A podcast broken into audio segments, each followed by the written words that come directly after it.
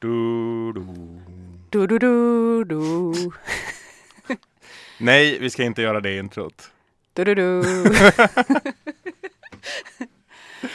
Okej. Det, det, det måste du lova mig att vi aldrig kommer att sjunga ledmotivet till Thrones som intro till det här jävla podden. Jag lovar ingenting. If you think this has a happy ending, you haven't been paying attention.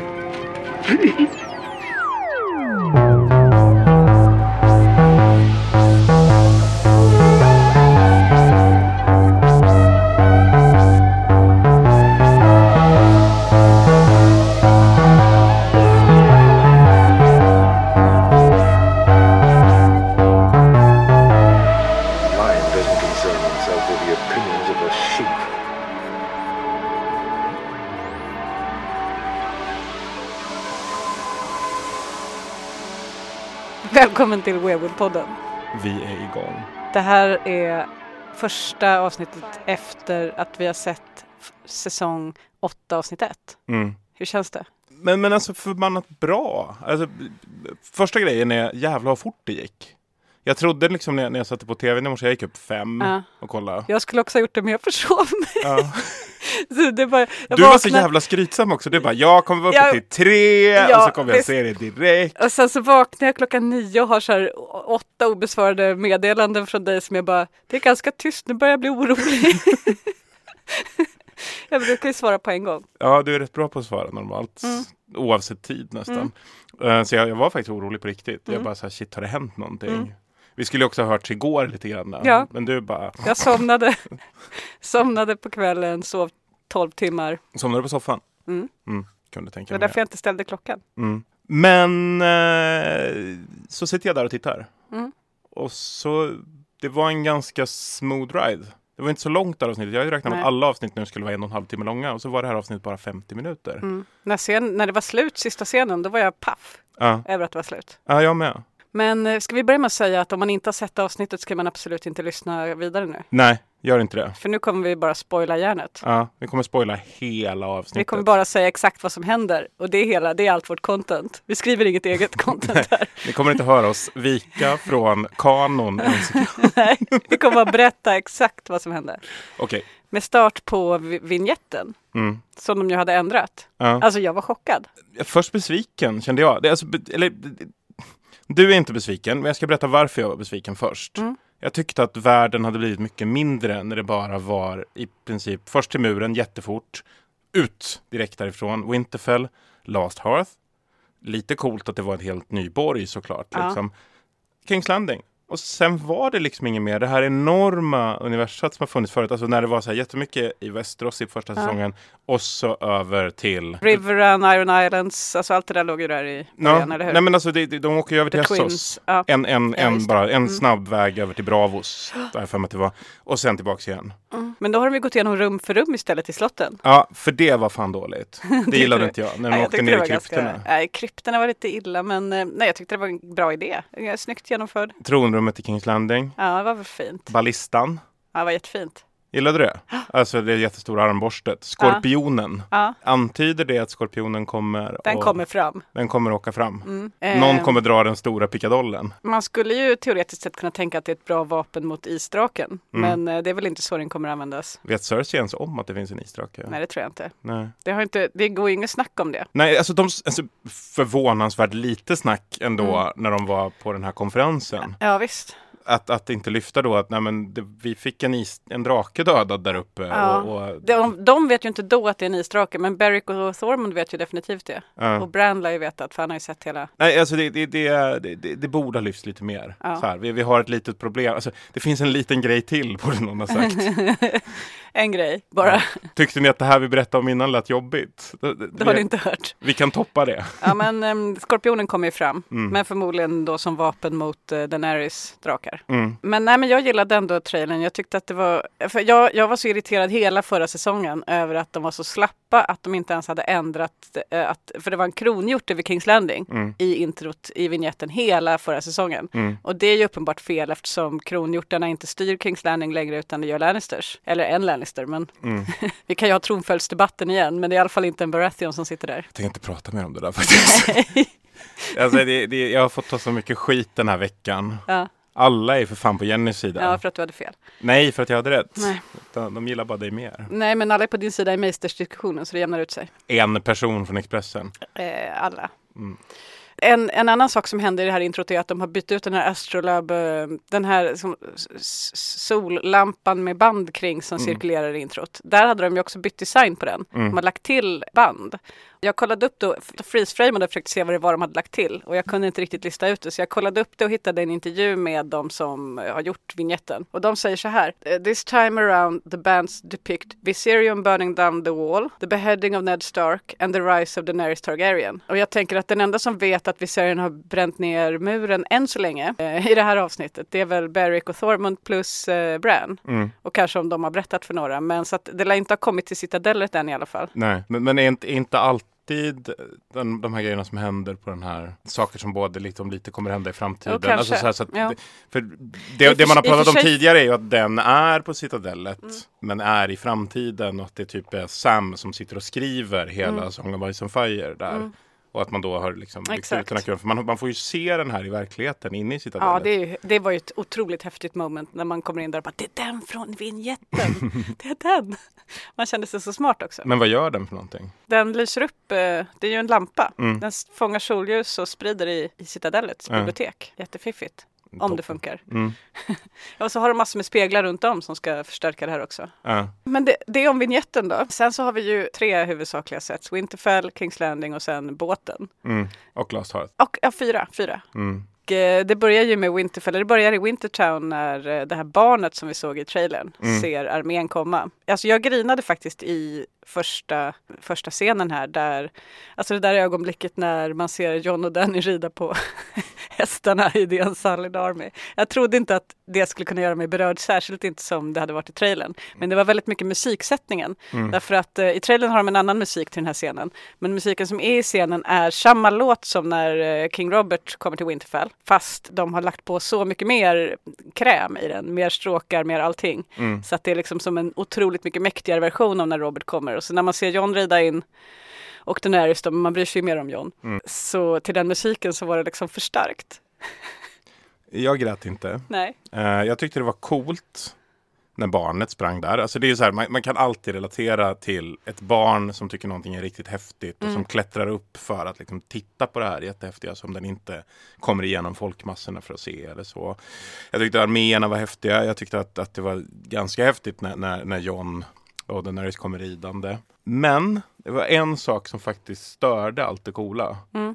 Nordens rasism. Mm. För det är ändå så här, och, det- och det här tycker jag faktiskt är lite återkommande i hela det här avsnittet. De är obegripligt rasistiska. Mm. Alltså det kommer ändå 40 000 man för att rädda livet på dem. Mm. Och de är inte tacksamma över det. Nej. De är inte speciellt tacksamma. Inte ens de här liksom främlingar. bönderna. De, de är typ som, som så här de här bönderna i, i The Search for the Holy Grail. Ja, verkligen. Som ifrågasätter.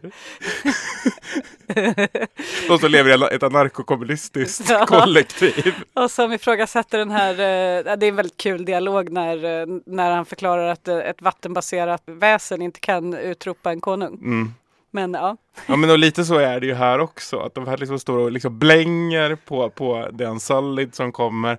Det är liksom en hel armé. De ska rädda livet på dem. Det kommer odöda. Alltså, det är hela tiden därför vi har pratat så mycket om det här att, att John alltid fattar att det finns ett mycket större problem.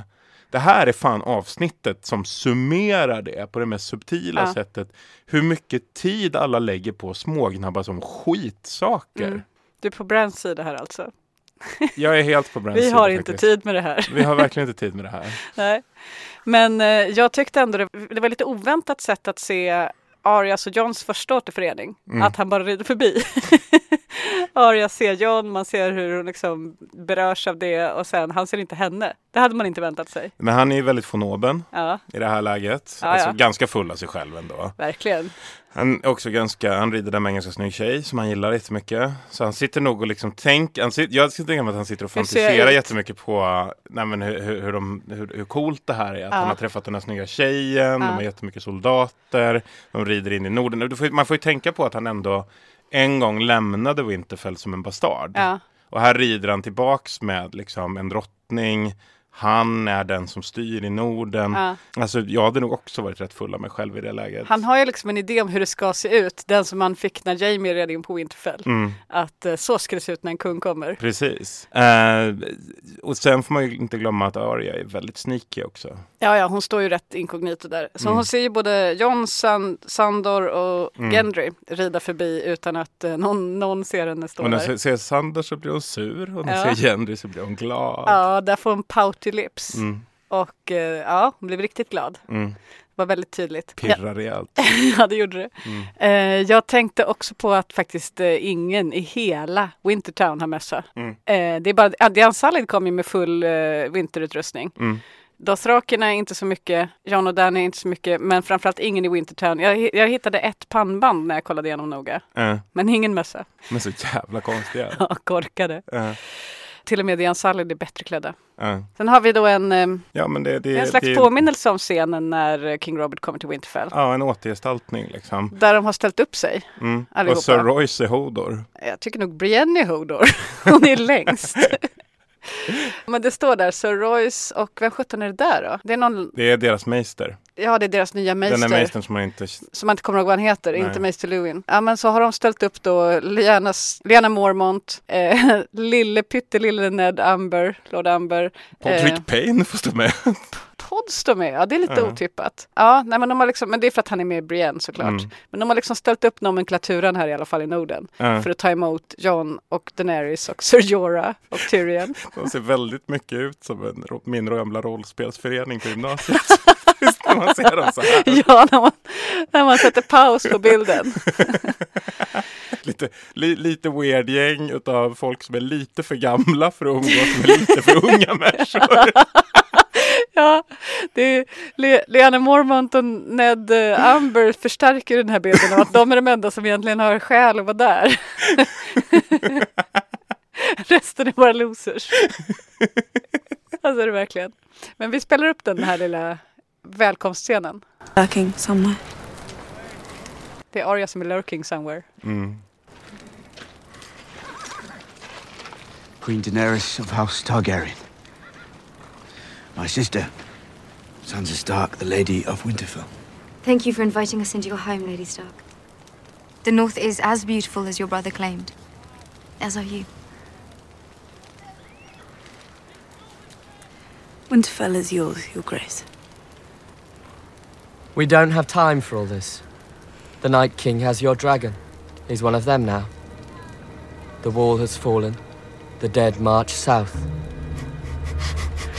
Han är väldigt snabb på jättemycket info. Ja, och, och, och liksom det här att ingen tar honom på allvar. Ja, Någonsin. Och det är inte så jävla konstigt eftersom man sitter och bara blänger och säger helt psykotiska saker Ja, till visst. dem.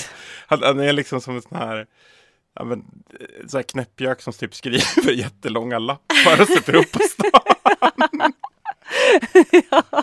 alla bara tittar lite snett på dem. Okej. Men det är otroligt mycket relevant. Här i alla fall, man kan inte klaga på att han sitter och vet saker som han inte säger. är utan han går ju rakt på sak. Ja, men det- är också roligt det här att Sansa har börjat gilla det. Mm. Ja, ja. Så att Sen, det psykar alla andra. Sansa har ju honom på sin sida. Han, Mm. hon, har- hon, han har ju hennes rygg, det vet hon. Mm. Så att, eh, och att hon har liksom, om om Daenerys har drakar så har åtminstone Sansa Bran. Ett psyko.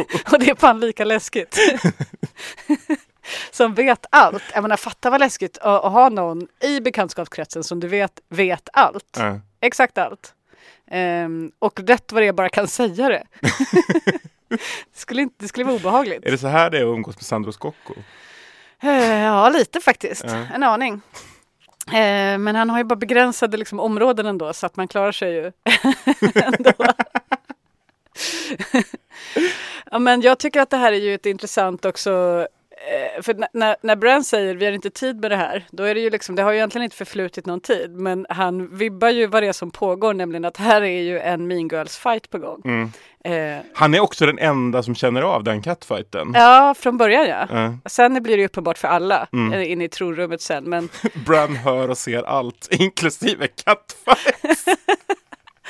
Ja, men för det är en otroligt omotiverat obehaglig stämning tycker jag mellan Mm. Sansa och... Eh, jag, först- Jag tycker att det är ganska lätt att förstå varför Sansa är misstänksam. Hon skickar iväg sin brorsa som är kung. Han kommer tillbaks med och har, har liksom typ fixat en ny drottning som hon nu måste, utan att känna, underkasta sig. Och hade typ lovat när han åkte också att han inte skulle göra så här. Ja, och att han inte skulle liksom göra saker utan att prata med henne först och så. Mm. Men så blev det så här i alla fall. Så det är klart att Sansa är lite misstänksam åtminstone.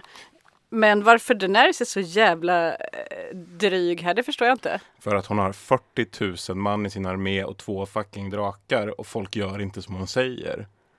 Ja, men det gör de väl? Alltså, Winterfell is yours your grace, säger Sansa ändå. Med ett ändå. Litet, Med litet taskig sarkastiskt attityd. flin. Absolut. Men, nej men för jag tänker att... Förstår du hur kränkande det kan vara? Särskilt Ja. när man kommer hem till någon och den tittar på det. Välkommen in.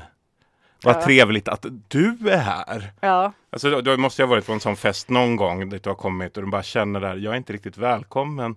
Men jag stannar på den här festen ändå. även det är Daenerys som börjar med sitt väldigt... Det känns ju bara som, någon, känns ju som att Daenerys dyker upp här och drygar sig. Du menar att det är kränkande för det är bara något hon säger? Ja, men hon säger det med en jävla attityd, det får du hålla med om. Nej, jag, tyck- jag kunde inte känna av det här riktigt. Nej, jag har varit eh, provocerad direkt. Mm. Eh, hon kommer in och bara, åh, Norden är så vacker, precis som din bror har sagt, så är det du också. Jag vet inte, det är ju uppenbart. Och sen är också, det lite, jag tycker väldigt synd om John i hela den här relationen för att eh, man ser ju när han presenterar Daenerys och Sansa för varandra så är det med en slags stark förväntan av att det här ska gå bra. Mm. Och han är också väldigt stolt över båda. Han är stolt inför Daenerys att han har en sån toppensyster att presentera och han är stolt inför sin syster att han kommer hem med en så snygg tjej. Mm. Men är lite orolig för hur det ska gå men han tänker ändå att äh, jag har bäst tjejer Mm. och nu ska de bli kompisar och så går det åt helvete direkt på en Jag var- gång. tror jag kan ha varit med om det där någon gång också. Har du det? Ja, att, att det inte synkar. Nej, Liksom mellan två människor man tycker väldigt bra om. du är säker på att det ska funka och så? Ja, och så funkar det inte alls. Nej. Eh, de bara tittar på varandra oförstående. Blir onyktra, kanske osams. Ja, Ehm, går inte ihop. nej, Alternativt börjar gå ihop, vänder sig mot mig. ja, Har också hänt. Mycket är eller eller går inte ihop, vänder sig mot mig ändå. För att man har varit Man får försöka hitta något gemensamt. idioten som har försökt medla på något sätt. Ja, jag förstår. Man blir liksom den lilla kanalen som finns däremellan. Ja. Om vi ska gå vidare på Kanske tutar en liten kanalbåt av hat där. Om vi fortsätter med den här triangelrelationen här mellan John Daenerys och eh, Sansa så fortsätter ju den sen lite senare i tronrummet. Mm. Sure what you are now? A lord?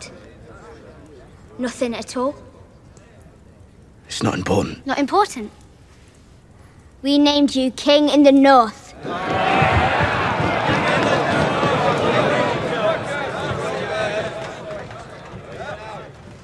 You did, my lady. It was the honor of my life. I'll always be grateful for your faith. But when I left Winterfell, I told you we need allies or we will die. I have brought those allies home to fight alongside us. I had a choice keep my crown or protect the North. I chose the North. Han är full av skit. Det här ska vi prata om sen för det här är inte sant. Han har inte stått inför det valet. If anyone survives the war to come, we'll have Jon Snow to thank. Fast han är också full av skit. Verkligen. His life to show us the threat is real. Thanks to his courage, we have brought Det här är sån typisk grej army som the någon world skulle kunna twittra om så här. Alla We have killar brought är helt dumma i huvudet. Kan inte läsa av sociala spelet. North to join our cause. I know, I know, our people haven't been friends in the past. but we must fight together now. Or die. May I ask, how are we meant to feed the greatest army the world has ever seen? Precis det har vi haft uppe i våran podd. Through winter, I didn't account for Dothraki, Unsullied, and two full-grown dragons. What do dragons eat, anyway? Whatever they want. Alltså de är ju som två högstadietjejer. Ja, och frågan är vem som är the minest här. Det, det återstår väl att se. Sansa är- prov- muckar ju hela tiden. Ja, det gör hon ju. Men det gör ju faktiskt Daenerys också. Det kommer ju små nålstick Det här, är ju, det här är ju ett förtäckt hot. När hon säger att drakar äter vad de vill och sen skickar den här sidoblicken. Och mitt emellan sitter Jon Snow. Och bara, åh gud vad han lider. Nej, men, jag tycker att här är det så uppenbart att det är han som kommer ta hela smällen för det här. ja. men det, det, finns ju ingen annan i rummet. Alltså de här två är ju för, alltså det här är som Hulken mot Juggernaut. Ja. Alltså det, det, de kan ju inte, det är ju liksom en ostoppbar kraft mot ett orörligt objekt. Ja. Uh, det, det kommer ju smälla för det som hamnar emellan och det är ju Jon Snow. Mm. Och här urartar det återigen i, i lite så här svärmorsfars på något sätt. Med den här tafattakaren som egentligen bara vill ha ett stort mjöd och sitta och umgås med sina Mary-kompisar någonstans. Mm. Han bara, var är Gren och Pippin? Nej, Pip heter han inte. var, är var är Mary och Pippin? Undrar han. Men Gren är väl död? Pip ja, också, jag vet. Men det är det han, mm. han saknar dem. Ja, han har Sam någonstans men vet inte riktigt var. Nej, han vet ju inte om att Sam är där än. Så han sitter här med de här tjejerna. Typiskt också. Ja. Jävligt, två jävligt så här, ja men det var snygga tjejer liksom så. Mm. Och det, typiskt tafatt kille som har tappat kontrollen över situationen. Han vill inte gärna bli osams med någon av dem. Men han har också ljugit konstant. Ja. För båda två för att han är så jävla konflikträdd. Ja. Och det är det som är typ det snubbigaste med den här karln som finns. Att han ljuger för att inte ta konflikter. Precis. Och, och, jag kan relatera. Det här, det här har varit min riktigt dåliga sida i relationer också. Ja. Någon säger så här, vill du följa med hem till uh, min systers familj i helgen eller så, så vill jag inte riktigt det. Nej. Men så låtsas jag, eller liksom säger inte riktigt nej. Nej. Kanske börjar ljuga upp en liten historia lite för sent om att jag kanske hade någonting annat jag hade lovat att göra. Kanske inte riktigt borde ha gjort det för att det kanske blir konflikter utav det istället. Ja. Liksom. Kanske borde ha sagt nej från första början. Ja. Han vill inte vara kung, säger han. Nej. Nej, just det, för han vill inte ta ansvar. Nej. Han vill inte ta ansvar över de emotionella situationer som uppstår när man är kung. Han har inget emot att vara kung egentligen. Det är Leda arméerna ansvaret. har han inget emot. Nej, nej, nej, han gillar att slåss och det han här pallar han inte. Men just det här emotionella spelet. Mm. Här vill han ha avlastning. Här vill han kunna luta sig tillbaks. Han är fan inte mycket bättre än Robert Baratheon. Nej. Nej, förutom mindre, mindre supande och horande. Ja, men, men han, han har samma tendenser i sig någonstans Mm. av det här styra ett rike. Fan heller. Mm. Få folk att samsas. Nej, de ska, skär, de ska bara... Vadå? Vi, vi är väl sköna tillsammans. Alltså, Men det är så uppenbart här också. Hans lögn är ju egentligen monumental. Mm. Eh, även om det är inte jättetydligt först när man ser det kanske. Men han säger, jag var tvungen att välja mellan eh, att rädda Norden och kronan. mm. Jag var tvungen att avsäga mig min krona. Och det är vad Daenerys säger direkt när han kommer till Dragonstone. Du får Mm. välja. Jag kan, jag kan eh, hjälpa dig med det här kriget men då måste du, då måste du knäböja för mig. Mm. Men eh, när Daenerys själv har sett de odödas armé Mm. då är ju inte, hon har inte alls i samma mindset längre då. Mm. Utan men, istället så är det det som händer är att när John vaknar upp från koman då blir han kär och liksom bara, ja, jag, du är min drottning nu. Utan att någon har bett honom i det läget. Mm. Det är någonting som han bara väljer att göra, kanske för att få ligga, vad vet jag. Men, men liksom typ han vill bara, han, det, är, det är helt och hållet hans eget initiativ. Men han säger ju bara vad som helst för att undvika emotionella konflikter. Ja, och, och han säger detta för att hon har precis blivit av med sin bebis, draken. Mm. Eh, han, eh, han är hemskt ledsen för det. Mm. Och nu vill han liksom ställa allt till rätta. Är lite hans fel. Mm. Även om hon får skylla sig själv Mm. givetvis. Men det är verkligen lite hans fel. Det är lite hans fel. Han, han har gjort något dumt. Och nu vill han liksom inte få skit. Nej. Så att då gör han det. Och jag menar, det är till och med så att Daenerys uttryckligen säger åt honom att det är ganska dumt drag det här med att vi ska vara allierade nu Mm. efter mötet hos Cersei. Så det är verkligen inget hon kräver av honom. Tvärtom så hade hon föredragit att eh, kunna spela med den här eh, lojaliteten lite till. Och nu kommer nästa konflikträdsla då. För nu blir han jävla orolig när Sansa blir sur på Mm. honom. Blir Åh nej! och då skyller han på Daenerys. Ja, Inför ja, Daenerys. Ja, exakt. Det är dålig PR för henne att säga att hon har tvingat honom till det här valet. Ja. När hon inte har det. Ja. Men också väldigt, väldigt mycket traditionell pojkvänstyp. Ja. Så här håller killar på. Ja. Det här är hur vi, alltså vi, vi spelar spelet på det här sättet. Ja. Det, det, alltså, han hade inte överlevt en dag i Paradise Hotel. Nej. Med, med, med den här approachen. Men- Men det är... Tyvärr är ju Daenerys inte bright nog att se vad han håller på med. Nej. Men Sansa är nog det. Ja. För, för att det, det är... Här någonstans borde Daenerys överväga att göra slut. Ja.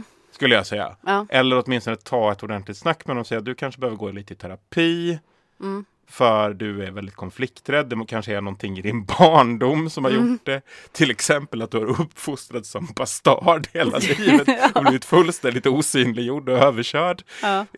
Men det är inte min skit att ta itu Det är med. inte hennes skit. Sätt dig med Tyrion och prata med honom för han är förmodligen närmsta vi kommer en terapeut i hela Vinterfell.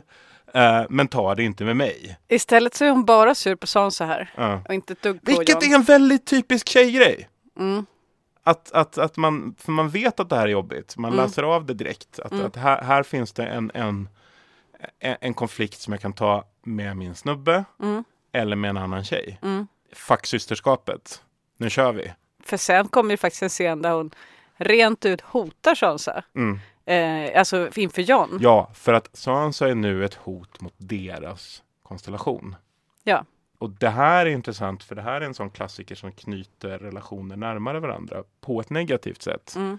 Att man börjar enas mot yttre hot Mm. som kanske inte är yttre hot egentligen. Utan återigen, kanske borde fixas med lite terapi istället. Mm. Men när Daenerys presenterar det här hotet, om hon inte respekterar mig så... punkt, punkt, punkt. Mm. Det känns inte som att Jon reagerar jättebra på det. Att, han, att det funkar riktigt.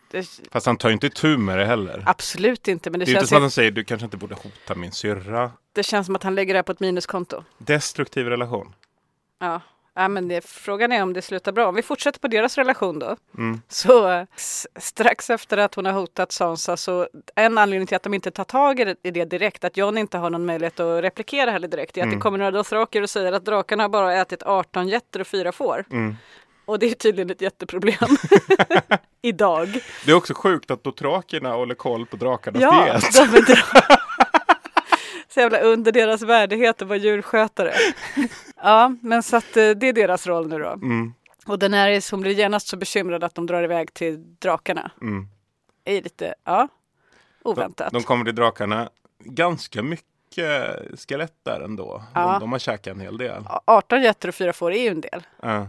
Men kanske inte för en drake. Alltså, Nej. omöjligt att säga. Alltså, det, det är faktiskt, där, där kände jag att, att jag faktiskt inte kunde koppla riktigt. Hur, hur, hur många getter behövs det? Nej. För det är så jävla stora är de ju inte heller. Nej. drakarna. Nej, Alltså 18 getter är, är ganska mycket. Det är mycket. Alltså man tänker på att en vanlig människa kan liksom gå en hel dag på en hamburgare. Ja. Det är inte sex getter i proportion till en drake. Man tänker sig väl att de har en väldig förbränning också för att de är så varma och sprutar eld. Mm. Men eh, det kanske beror på, jag menar om de inte har behövt spruta så mycket eld. Ja, det är svårt att veta drakanatomi. Ja.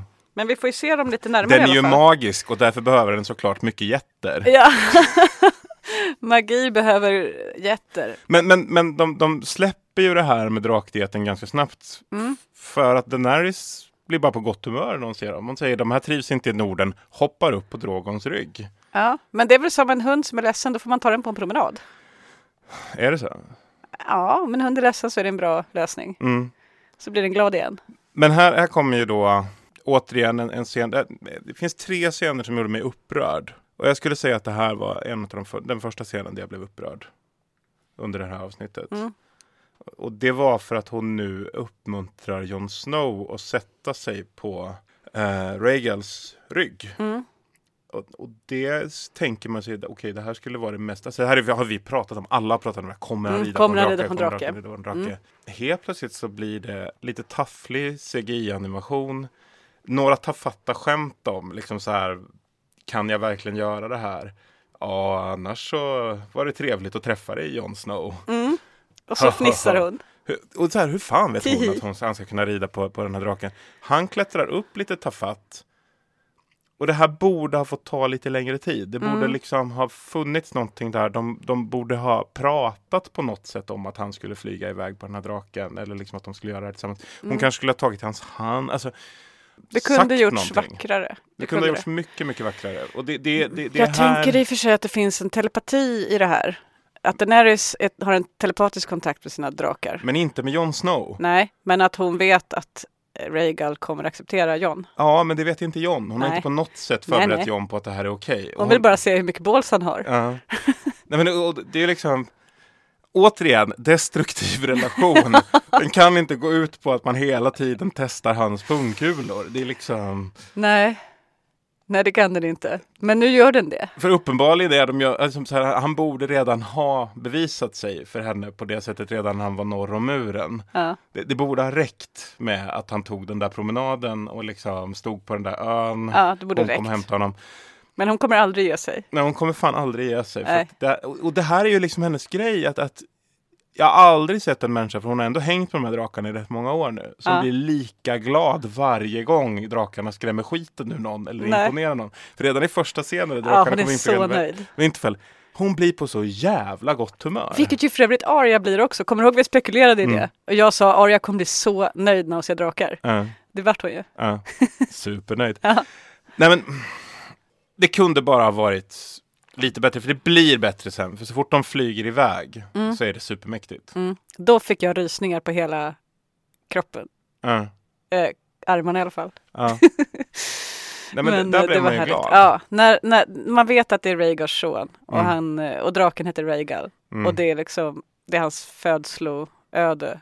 Födslorätt, det är hans öde. Men vad hände med stackars Ghost som är kvar i Castle Jag Black fortfarande? vet! Varför fick vi inte träffa Ghost? Alltså varför är inte det första John gör när han har hälsat på Sansa och Bran eh, och Arya att han liksom bara letar rätt på Ghost och säger Hey boy. Mm.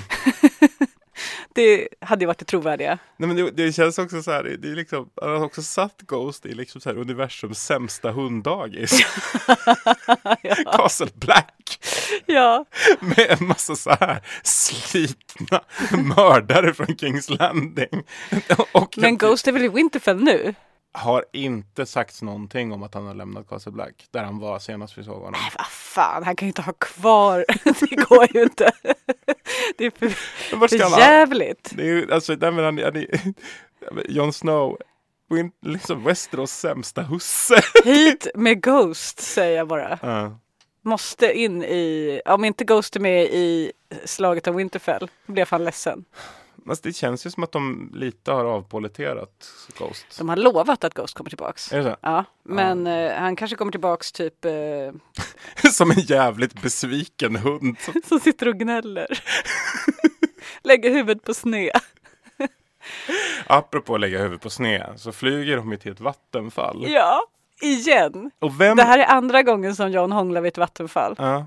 Fast det är väl andra tjejen som tar med honom till ett vattenfall också, för det är inte han som nej, styr. nej, nej, nej, han har en slags grej där att han får följa med till vattenfall. Ja. Det, det är det och, och också, jag tycker det är roligt när de kliver av drakarna och Daenerys tittar så här fullkomligt hänfört på det här vattenfallet som att det är det mäktigaste hon har sett. Ja. Och det är ju inte riktigt så, så mäktigt. Är det Alltså, inte Niagarafallet? Ja, hennes drakar är ju mäktigare, alltså typ, Mm. det finns ju mycket mäktigare i omgivningen. Mm. Hennes arméer är mäktigare, det är, ja, det är ett fint vattenfall. Och hon säger, vi skulle kunna stanna här i tusen år. Ja. Vilket Nej, är en blinkning blivit- till vad Ygritte säger Mm. om grottan en gång för länge sedan. Ja. Att eh, vi kan stanna här för evigt. Liksom. Men eh, ja, det är ändå, det, jag tror att det är därför de har lagt in den, men det är lite opåkallat ändå. Mm. Och här sker ju seriens mest awkward hångelscen. Ja. Och det, det, jag Till och med mer awkward än, eh, än vad heter bordellscenerna. Ja, faktiskt. För att den, den är en, en, en väldigt, väldigt maxad variant av att ha husdjur och ha hångla. Ja. Jag har inte så stor erfarenhet av det för jag har aldrig haft några husdjur. Men jag har ändå hånglat hemma hos folk som har husdjur. Och och det det är en ganska obehaglig upplevelse. ja, det är det. Jag har ju en hund nu och jag hade en hund tidigare. Mm. Eh, det är ju så, om man hånglar så kommer ju hunden och stirrar. Så är det ju. Kanske hoppar upp i soffan och sätter sig och glor. Och nu är det en jättestor drake som gör det. Ja. Och den hångelscenen är verkligen så här, det här. Den går ju från någonting väldigt romantiskt till att, att John skiftar om och hans ögon möter Drogons istället. Ja. Och det är liksom man ser att- det slutar också vara ett, ganska, ett, ett bra hångel. Han, han, han, hans, det, alltså det ser ju inte trevligt ut. Alltså, och då menar jag inte trevligt för honom utan menar jag för Daenerys. För det känns som att det är väldigt mycket öppen mun. Liksom lite, John har inte uppmärksamheten fullt på henne. Nej. Nej, det är ett lite awkward hångel. Mm.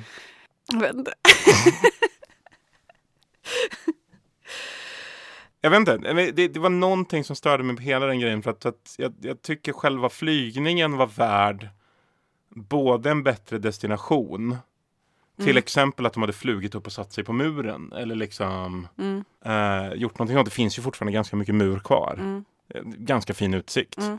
Vad är den? Är den typ två kilometer hög? Ja, John hade kunnat sagt jag ska visa dig Castle Black. Mm. Eller något. Och Ghost. Inte så mycket att se. Men Ghost, Ghost hade trevligt. varit något att se. Ja. Alltså Ja. det är som att han inte ens har nämnt Ghost för Daenerys. Nej. Men, men i och för sig, alltså, det, det är mycket som han inte berättar för att han kanske är lite orolig för att det ska sätta käppar i hjulet för relationen till Ja. exempel. Tänker vi att han är en sån klassisk första dejt som liksom säger precis det som den andra vill höra hela tiden. Verkligen. Men okej, vi har ju otroligt mycket, om vi, ska, om vi är kvar på Winterfell så har vi ju Mm. jättemycket viktiga möten. Och för mig var det här en jättestark känslomässig impact därför att 15 minuter in i avsnitt ett så har vi klarat av de flesta av de avgörande mötena. Mm. Eh, långt ifrån alla, men väldigt, väldigt många. Alltså saker som man har väntat nu på i, i två år. Som bara radas av på 15 minuter. Mm. Eh, för det enda man vet, kom, efter förra säsongsavslutningen så är det enda man vet kommer hända att de här olika människorna som man vill ska träffas igen kommer att träffas igen på Winterfell eh, tidigt i säsong 8. Men Mm. att allting skulle ske inom 15 minuter, det var man inte riktigt beredd på. Båda är väldigt gott för den här säsongen att de kör ett sånt. Alltså, Mm. för, för det är ju så här, hela det här avsnittet är ju bara logistik. Mm. Det handlar ju om att flytta karaktärer till utgångspositioner. Mm. Och förklara vart de är. Ja. Eh, Så att alla rör ju på sig Mm. på något sätt Mm. i, i det här. Eller är vid de destinationer där de ska befinna sig när allting sätter igång. Mm. Det är som när man börjar spela brädspel och sen sätter man upp hela spelbrädet och alla pjäserna. Ja, men lite så är så. avsnittet. Så det, det gör ju också att avsnittet kanske inte var fantastiskt. Alltså det, det var väl tre plus. Det var inte så mycket berättelse i det, Nej. men det var ju väldigt mycket som, som måste hända, Mm. som hände. Eller hade det egentligen behövt det? De kunde ju faktiskt ha låtit saker ske under tystnad också. Mm. Alltså så, det, det hade kunnat ske off camera egentligen. Mm. Men det var ju mycket, vi har ju pratat om det, att det är mycket fanservice i det här avsnittet. Saker Mm. som man verkligen vill ska hända, händer. Ja. Men- Men, de choppas också av väldigt, väldigt snabbt. Ja, men då har vi några möten som har varit som vi har väntat på länge. Eh, Arya till exempel och Jon. Mm. Arya och Sandor, Arya och Gendry. Mm. är ju tre liksom sådana viktiga, viktiga träffar. Mm. Eh, om vi börjar med Arya och Jon så tycker jag att det var, det var ett ganska fint möte i bemärkelsen att eh, jag tyckte det var fullkomligt trovärdigt att det första de gör är att visa varandra sina coola svärd. nu är ju Arias har ju Jon redan sett. Jag tyckte det enda som var inte trovärdigt med den scenen var att hon inte halar fram sin Valyrian Steel Dagger. Varför gör hon inte det i det läget? Alltså det var jättekonstigt. Ja. Och det känns hela tiden som att hon underskattar den där valyriska ståldolken. Ja. Alltså, för den, den åker inte fram så himla ofta. Och just det här Nej. att hon, sen när hon träffar Henry så beställer hon ett, ett liksom drakstens svärd istället. Ja, någon slags spjut som man kan plocka isär. Ja. Som det är oklart hur det ska funka, men ja. Ja, nej men det, det så att varför vill hon ha? Alltså, ja, nej, men det förstår jag faktiskt inte. För den där dolken är ju typ lika lång som, som Nidel. Ja. Så hon har ju redan liksom hyfsad beskaffning för, för att slåss. Och den där dolken dyker ju upp när Sam är på Citadellet och sitter och läser böcker om den långa natten. Mm. Så sitter han ju med en sida uppslagen där det är exakt den dolken, inte en sån dolk utan det är den dolken. Mm. Eh, på, på ett uppslag där den Mm. beskrivs om den långa natten. Så Mm. den dolken är ju uppenbart betydelsefull. Och detta Mm. vet väl Bran eftersom han har gett den till Arya. Och därmed borde han ha sagt något till Arya om det. Och varför bryr sig ingen om den här dolken? Jag blir tokig. Det är faktiskt en uh, lyssnarfråga Ja. som handlar om det. Ja. Varför man inte använder Bran mer. Mm. Varför går man inte hela tiden och frågar Bran? Mm. Bran, vad gäller nu? Men, men där, där, vi har ju en tes som vi har snackat om som är att, att Bran kommer aldrig ge någon information som inte efterfrågas. Nej. Och- folk är nog inte så vana vid att ha någon som är synsk på det sättet Nej. omkring sig. Och det, det, så det är lite det här, du, du kan inte kräva av Google att Google ska berätta saker för dig om du inte googlar. Nej. Och jag tror att det är lite samma sak med Bran. Verkligen. Och, och det är också lite roligt det här med, med att, att när, när Bran och, och John möts första gången och, och, och, och John säger liksom Bran. Du är en man nu, säger han. Mm. Almost, säger Bran. Ja. Det är ju väldigt kul. Mm. För det är verkligen sant. Han är fullvuxen men bara almost a man. Ja. Jag, jag är lite besviken på att uh, Arya inte visade större glädje när hon träffade The Hound. Mm. Jag trodde hon skulle bli skitglad. Hon tycker ju om honom. Men jobbar inte de två väldigt mycket med konceptet ömsesidig respekt snarare än Ömsesidig neggning. Ja. Arya är ju också någon som i viss mån byter lite personlighet i förhållande till vem hon träffar. Ja. Faktiskt. Alltså en smula ändå. För Jag hade när- fan mig ändå förväntat mig att de skulle falla i varandras armar. Nej, jag hade inte det. För att, för att det- han gör inte riktigt så. Nej, inte hon heller om det inte är John eller Bran eller Sansa. Hon, hon älskar ju inte honom.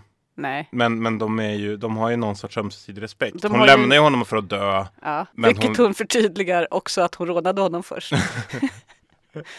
Men hon dödade honom inte. Nej. Och han är förbannad på henne för att han, hon inte dödade honom i viss mån. För att det Och var ju det för att hon lämnade honom för att dö. Ja.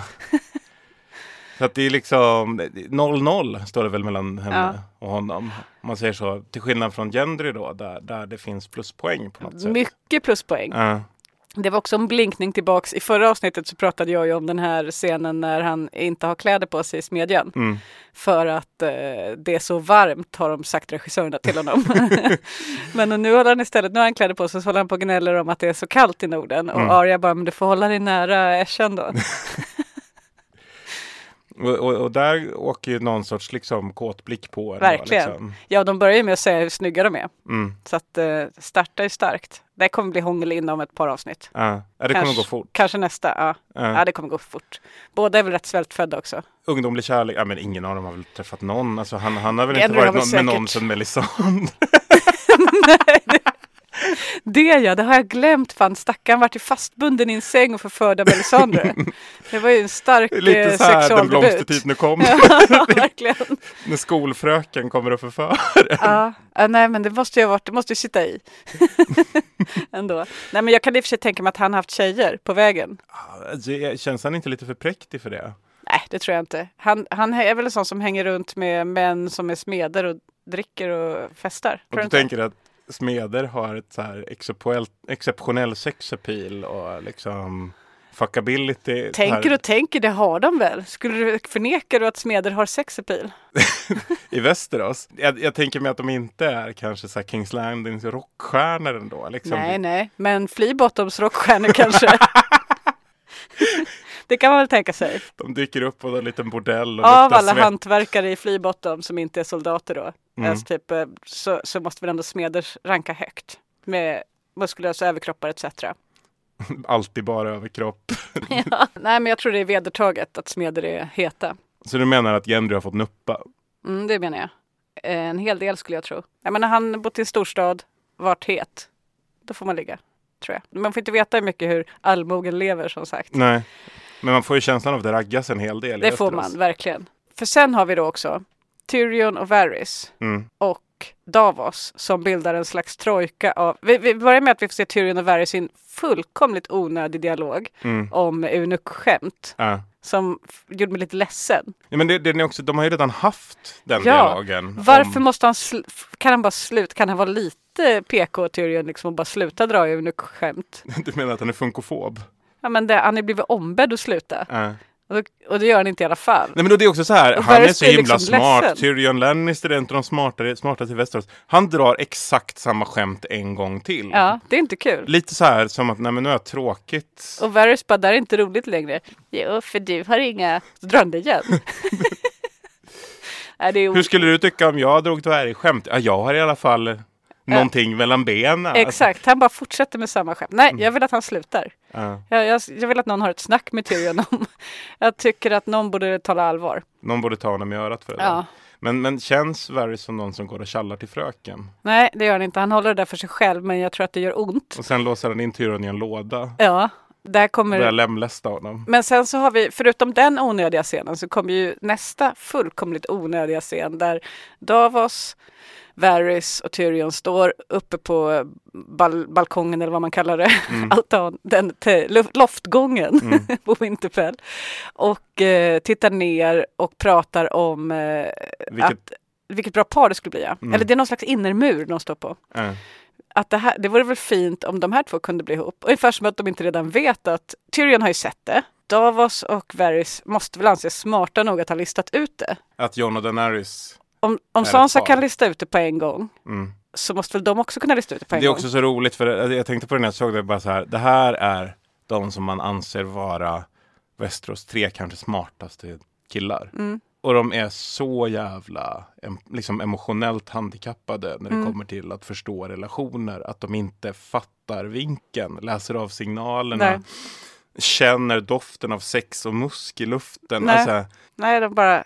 Tänk om vi skulle kunna föreslå att de kan bli ihop. ja, det är bara så konstigt. Och det är så konstigt att de har lagt in den scenen för jag förstår inte vad den tillför till storyn. nej för att det, det är ju redan på gång. Alltså, det enda vi får reda på är att de är lite mindre smarta än vad vi trodde. Jag vet Mm. inte varför vi behöver få reda på det. Mm. Det kanske spelar roll sen. De visar sig vara superkorkade och det är det, det, är det som är the bittersweet ending.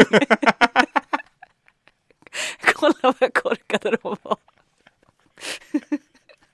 Däremot är det ett fint ögonblick tycker jag när Tyrion och Sansa träffas. Och det här var också en gång när jag grinade faktiskt. Mm. När eh, Tyrion och Sansa, inte för att de träffas utan för, det var någonting som fick mig att känna sån sorg.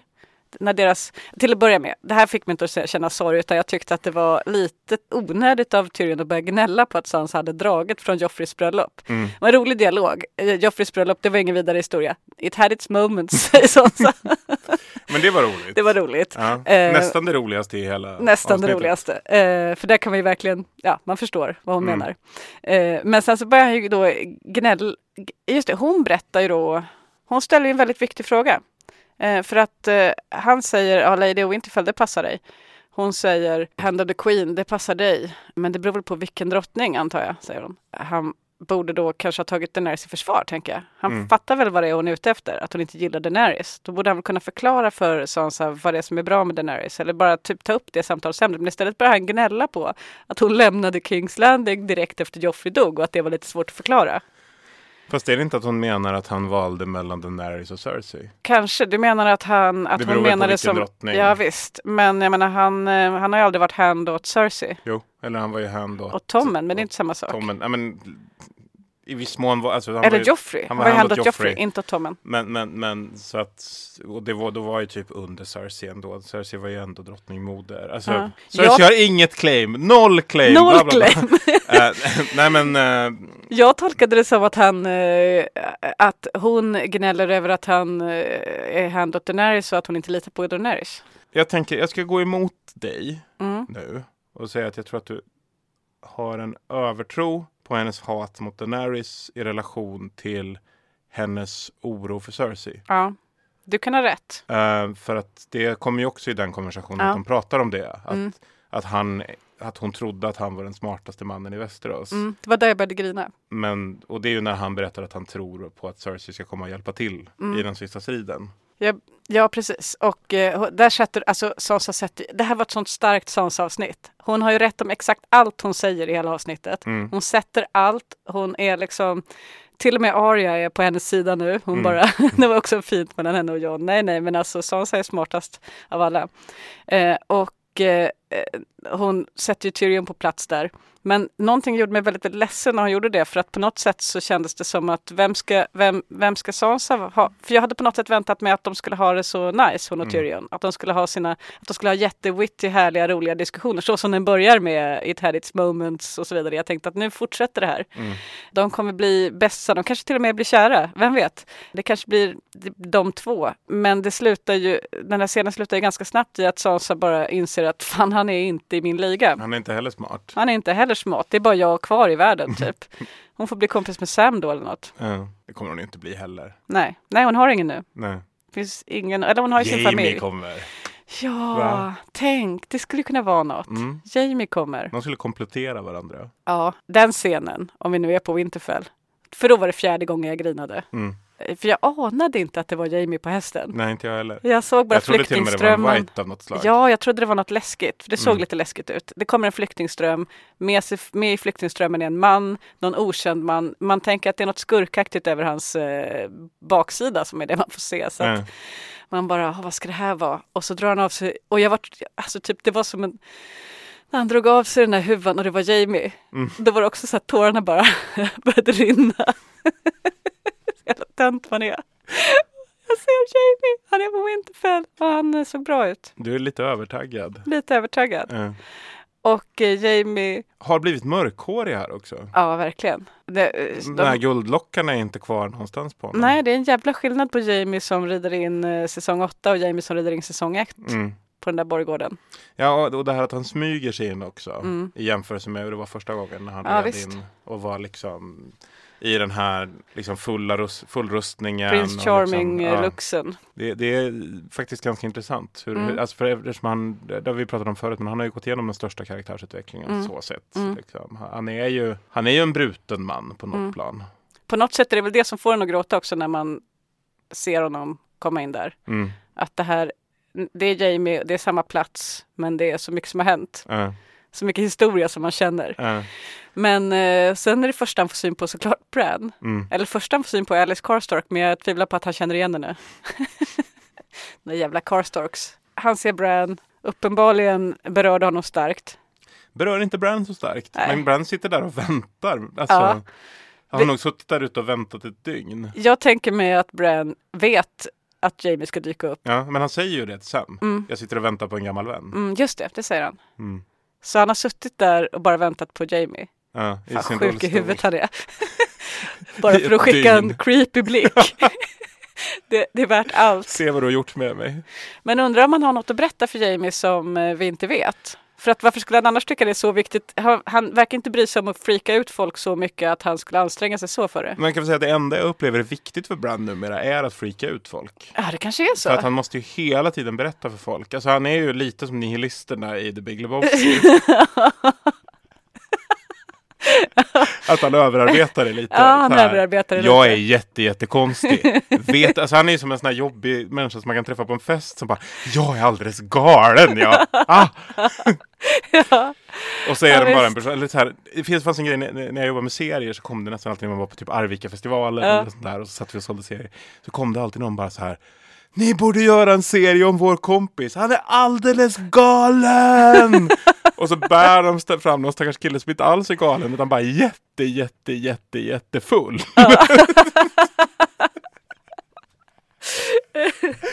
och, och det är ju liksom att, att, att, att översälja det, liksom. Att man verkligen försöker kränga in liksom det här totala vansinnet. Och Bran har jobbat lite för hårt med sin weirdness på det sättet. Han, han är ju som en jobbig got, verkligen. Verkligen. Han är som en jobbig got Mm. och ska alltid göra en grej av det. En, en sån där som liksom sitter och säger att han dricker sitt eget blod på Ja. fest. ja. ja. Så att han har suttit bara för effektens skull och väntat på Jamie. Ja. Han har sett, han har sett där framför sig hur han kommer dyka upp och Nej, men njuter liksom av Jamies chockade min. Men återigen till det här frågemässigt vi fick om så här, varför sitter de inte och, varför frågar de inte Bran om vad som händer i framtiden? Jo, för det enda Bran bryr sig om att kolla om med framtiden är den här helt meningslösa grejen. ja men det sista vi behöver prata om på Winterfell Mm. innan vi lämnar det för nästa setting, det är ju eh, den här händelseutvecklingen när det börjar med att Daenerys går för att tacka Sam. Mm. Vilket jag tycker är gulligt därför att det visar en del om hur- mycket hon känner för Jorah. Mm. Att eh, hon tycker att det viktigaste här, det är att tacka snubben som botade Jorah Mm. från eh, Grayscale. Så att de går och tackar Sam. Men då visar det sig att det inte går helt bra. Eftersom hon först då inser att det är killen vars pappa och bror hon just har avrättat. Ja. Och det Mot- råkar ju komma fram när han säger att han vill ha hennes benådning för att han har stulit svärdet av sin pappa. Ja. Oklart, måste jag säga, hur hårt straffet är för att sno sitt svärd. Så Sno sin pappas svärd i Västerås. Förmodligen inte så hårt, men däremot Randall Tarleys straff är väl hårt kan ja, men det kan ju inte Sir, eller det kan ju inte Daenerys göra någonting åt. Jo, när hon väl har tagit tronen. Nej, men det spelar väl ingen roll. Alltså, det är ju inte riktigt så Randall Tarley har jobbat. Nej, nej. Utan han, Han säger i vi drar ut i skogen och jagar du och jag och så Ja. är du med om en liten jaktolycka. Ja. Kan bli en ganska jobbig jaktolycka nu när han har Ja. snott svärdet. Men Ja. det, det är ju inte som att Daenerys kan säga du är benådad från den här jaktolyckan. Men jag tänker också att Sam är en kille som vill ha sina papper i ordning. Ja, fast det har han ju inte. Nej. Han har ju inte ett enda jävla papper i ordning längre. För att, Det första både du och jag tänkte när vi såg den här scenen var ju att eh, men han har ju dragit från muren. Fast att han inte har det egentligen. Men Ja men en typ dragit för muren för att skaffa sig en mästerutbildning. så långt stämmer ju allting. Han har ändå fått order om att Mm. åka och skaffa sig den här mästerutbildningen. Sticker från mästerutbildningen Ja. till Winterfell. Så han har avbrutit två utbildningar. Mm. En som Night's Watch och en som Meister. dock har han ju goda skäl för han vill berätta för John att han är kung. Jag vet inte om det är ett giltigt skäl för något av dem faktiskt. Nej, han kunde skickat en korp kanske. Ja, alltså det, det- det är liksom klart att det är viktiga grejer. Det, det, det, det är viktiga grejer där. Mm. Men, men jag tror faktiskt att, att alltså, man får ju komma ihåg att, att Eddard Stark högg huvudet av en kille Ja. för att han hade deserterat. Ja. Så det rimliga i det här läget är ju faktiskt att John hugger huvudet av Sam. Om han är, ska vara Ja. sin farsas son som han tycker är så jävla viktigt Men jag tiden. tänker att Sam ändå vill, kan, kan snacka sig ur det här att han tekniskt sett inte har deserterat utan han har bara gått ett ärende så att säga. Så Jo, kan man men säga. det skulle man ju kunna säga om den här killen som Ja, men han var inte, han var inte lika avsnittet bra också. på att tänja på paragraferna som Sam är. Det är Sam har ju tänt på varenda jävla paragraf Han är som finns duktig för på det. laget. Men han kan behöva lite benådning i allmänhet. Han- Kanske ett in blanco. Jag har också undrat över en sak. Ja. Tror han och Gilly har fortsatt ligga med varandra? ja, men det är klart de har. Är det så? Ja, det tror jag. Ja. Jag tror de är kära i varandra. Så det var inte bara en liten trösthistoria? Nej, nej jag tror de är kära i varandra. Ja. Eh, Att de, det är ett, ett av de få riktiga paren så att säga i den här storyn som tycker om varandra. Men det framgår inte riktigt. Det är bara, det, jag har bara utgått från det Mm. eh, i deras relation, hur den är. Mm. Att, eh, alltså för att de vill inte vara ifrån varandra ju. Nej. Ingen utav dem. För henne måste det också vara den enda normala människan hon har nära in på sig eftersom hon kommer från en värld där hennes pappa är hennes farfar, Ja. morfar, eh, farbror. Mor, alltså så här, han, han är ju alla typer av släktingar som finns eftersom alla i det här konstiga kretsloppet kring Kräster Ja. är liksom hans döttrar. Sam är ett rejält uppköp Ja. på alla sätt. Ja. Och framförallt i någon sorts genbank kan man väl säga. Ja, verkligen. Mm. Nej, men det tror jag de gör. Men apropå genbanken så är det ju nu som då Daenerys, för första då berättar ju för honom då att, att hon har bränt Mm. hans bror och hans pappa. Mm. Och han blir så himla ledsen. Ja. Och jag är lite förvånad över det. Jag trodde ju han inte skulle bli ledsen. Nej. Men jag hade fel. Nej men Randall blir han ju så här, ja men okej. Ja, Okej, tur i alla fall att min bror är lord nu. Nej. Nej, tyvärr. Så jag får återvända hem säger han. Det får han ju inte. Nej, nej, det får han inte. Men någon gång kanske han ser framför sig. Men det, nej men. Nej, för han är nej, i The det funkar Watch. I inte The så när Night's du Watch är en del av återvänder man inte. Nej, så är det. Så att återigen, Samuel Tarly, vad fan håller du på med? Mm. Nej, men han är ju delusional. Men eh, jag tycker det är väldigt bra. Jag har varit väldigt imponerad av, det är bland de finaste styckena skådespeleri jag sett i serien tycker jag. Mm. John Bradleys eh, prestation här när han, eh, både Sam får det här beskedet och när han sen ska prata med John i scenen efter. Mm. Väldigt välspelat. Egentligen kanske det inte är så välspelat om man tänker jättemycket på hur välspelat det är. Mm. Men, ja, men man kände verkligen alla hans känslor. Mm. Å andra sidan så är det ju så att, att John tänker plocka ner The Night's Watch från muren Mm. och till Winterfell. Mm.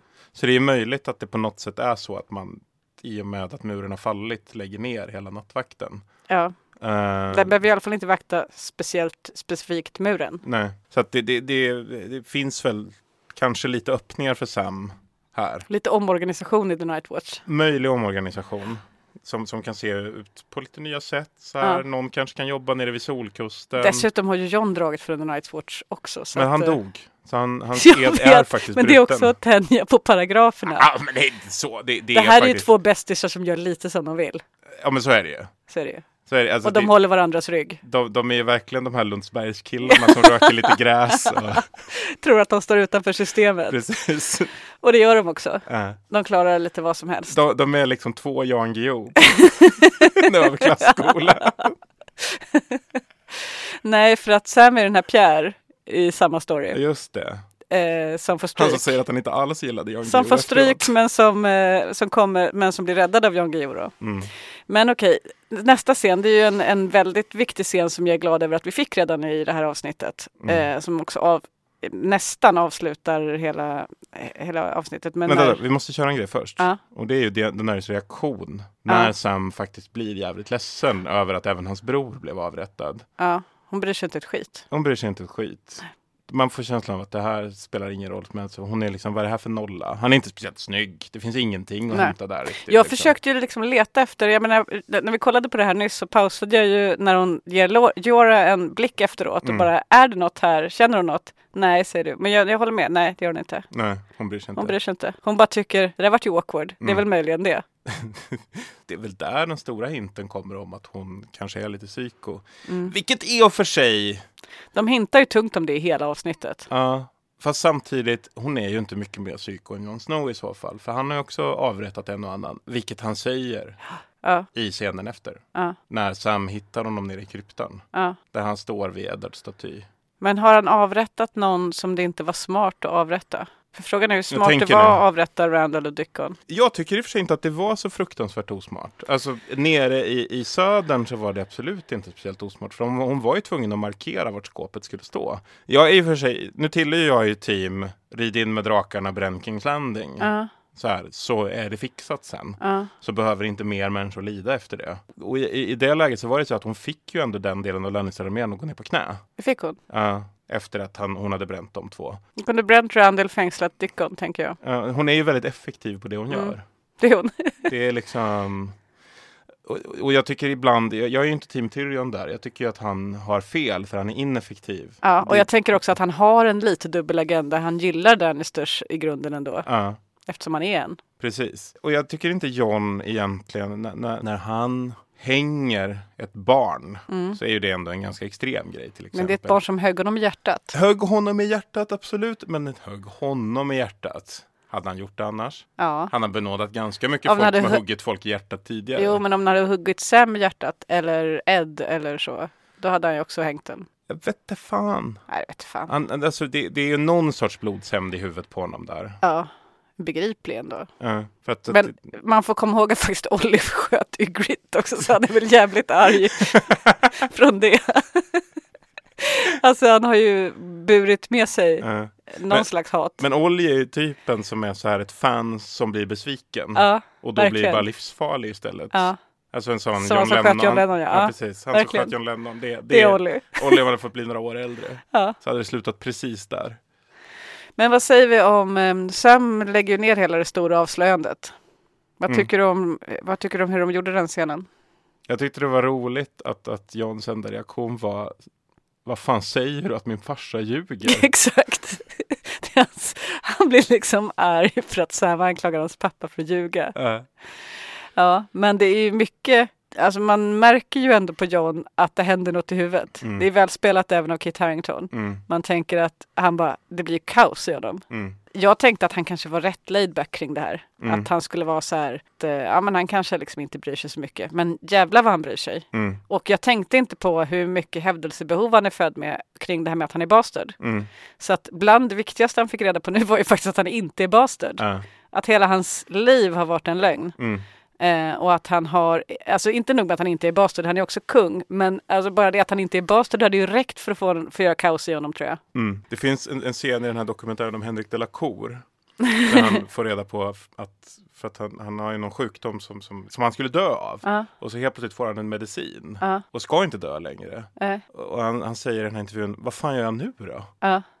Och det är, jag tänker mig att det är lite det som Jon Snow liksom, som klickar till i hans huvud. Just det här, jag har tagit mig hela vägen hit på mina egna meriter. Ja. Och nu har jag helt plötsligt en massa andra meriter som bara trillar in. ja, vad ska jag göra med dem? Vad fan ska jag göra med det här? Ja, Liksom? visst. Vem blir jag nu? Ja. Ska vi hoppa över till Kings Landing? Mm. Ska jag spela upp det? Det är nu Cerseis absolut barnsligaste sida tittar fram. Mm. Och det är när Harry Strickland och The Golden Company kommer till Västerås. Mm. Och Harry Strickland kommer och berättar om sin armé och det är 20 000 man, det är 2 000 hästar, det är allting. Men det är något som saknas. Det är något som saknas. Horses 2000. and elephants. No elephants. That's disappointing. I was told the Golden Company had elephants. Excellent beasts. Det här hade liksom varit eh, Not well suited to long sea. trovärdigare om det hade varit Tommen på tronen. Det här är vad Tommen skulle tänkt. Var är elefanterna? The Golden Company had elephants. Men nej, Cersei bara, var är elefanterna? Och sen så, hon släpper inte det här med elefanterna heller. Utan sen har hon fått ligga. Mm. Eh, man tänker att allt är liksom så här, hon, hon, hon, hon har kommit på andra tankar, men nej. I wanted those elephants. Det är vad hon tar upp efter samlaget. Var är elefanterna? Jag, jag tycker det känns så o-Cersei. Nej, men det, jag tycker att det är en snygg blinkning eftersom det pratades om elefanter. Ja, ja. Det är en fanservice vi pratar om. Så, så blir det så roligt. För då har ju folk också varit så här, ja ja nu blir det Sagan om ringen. kommer Elefanterna kommer, in i elefanterna, ja. Och liksom hela den biten. Och så kommer det inga elefanter för att man inte haft den CGI-budgeten. Och då måste de låta någon bli sur över det i, i manus. Och då blir Cersei, det är, liksom, det är första gången vi ser en, alltså en, en riktigt mänsklig sida av henne. Alltså, Ja. eh, Någon sorts lust som inte handlar om antingen sex eller makt. Nej. Hon Utan hade bara velat se lite jävla elefanter. är det för mycket begärt? Blir det några elefanter eller? Och det blir det ju inte. Nej. Nej. Men, nej, men jag känner att eh, det här är inte det här är ju inte Cersei. Så här mänsklig är hon inte. Hon skulle aldrig ha släppt masken på det här viset att hon sitter och bitchar över att hon är ledsen för att det inte kommer elefanter. Men det är också så dåligt inskrivet i manus att, att elefanterna inte skulle klara resan över vattnet. Ja. Samtidigt som The Golden Company står i honör på båten hela båtresan. Vilket Om de också det Dan så- Sallid gjorde Ja, på visst. sin båtresa Visst, över. det är så man reser om man är en ordentlig armé. Det är också så här helt Man sitter inte och spelar kort under däck eller så, utan nej, man står där. Euron har ju spelat lite tärning uppenbarligen, för han har ju haft ihjäl några i The Golden Company. Ah, det är också väldigt roligt. Eh, när Ted Strickland tittar på honom. Nej, förlåt, nu säger jag Ted, han heter Harry. Alltså jag blandar ihop det här i mitt huvud Mm. med att jag har alltså varit och kampanjat, eller jag har varit, jag var varit i USA. Bland annat så var jag då ute och knackade dörr för Hillary Clinton.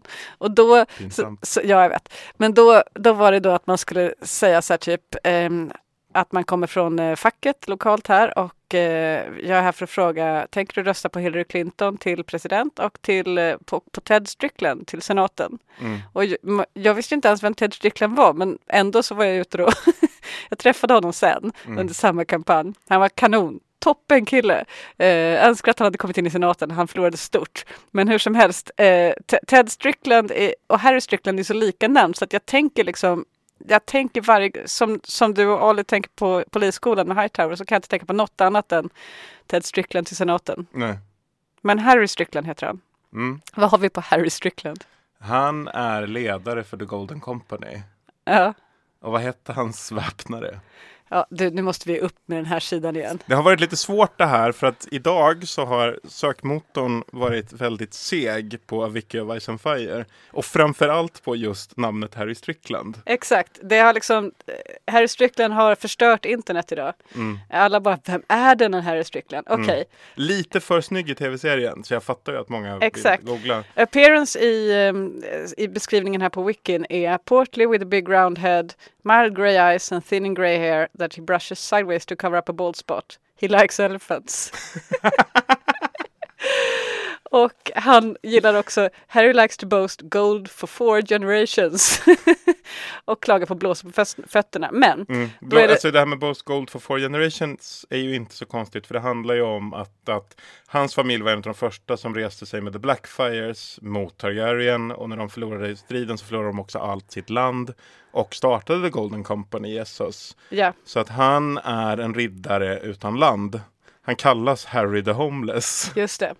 Och hör till hela Blackfire, liksom typ gänget. Ja, så att hans farfar och hans pappa var också landlösa riddare. Mm. Ja, men vad hette väpnaren då? Jo, hans förra väpnare hette Rolly Duckfield. Harrys. Och Harrys nuvarande väpnare heter Watkin. ja, vad han Mm. hittar på George R. Martin va? Ja. Men i tv-serien så är det lite enklare än så här. För där ser han ut mer som porrfilmsversionen av Jamie Lannister. Ja.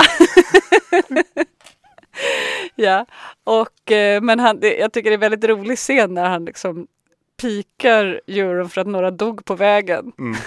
och Euron bara, de fuskade i tärning. Eller så var det jag.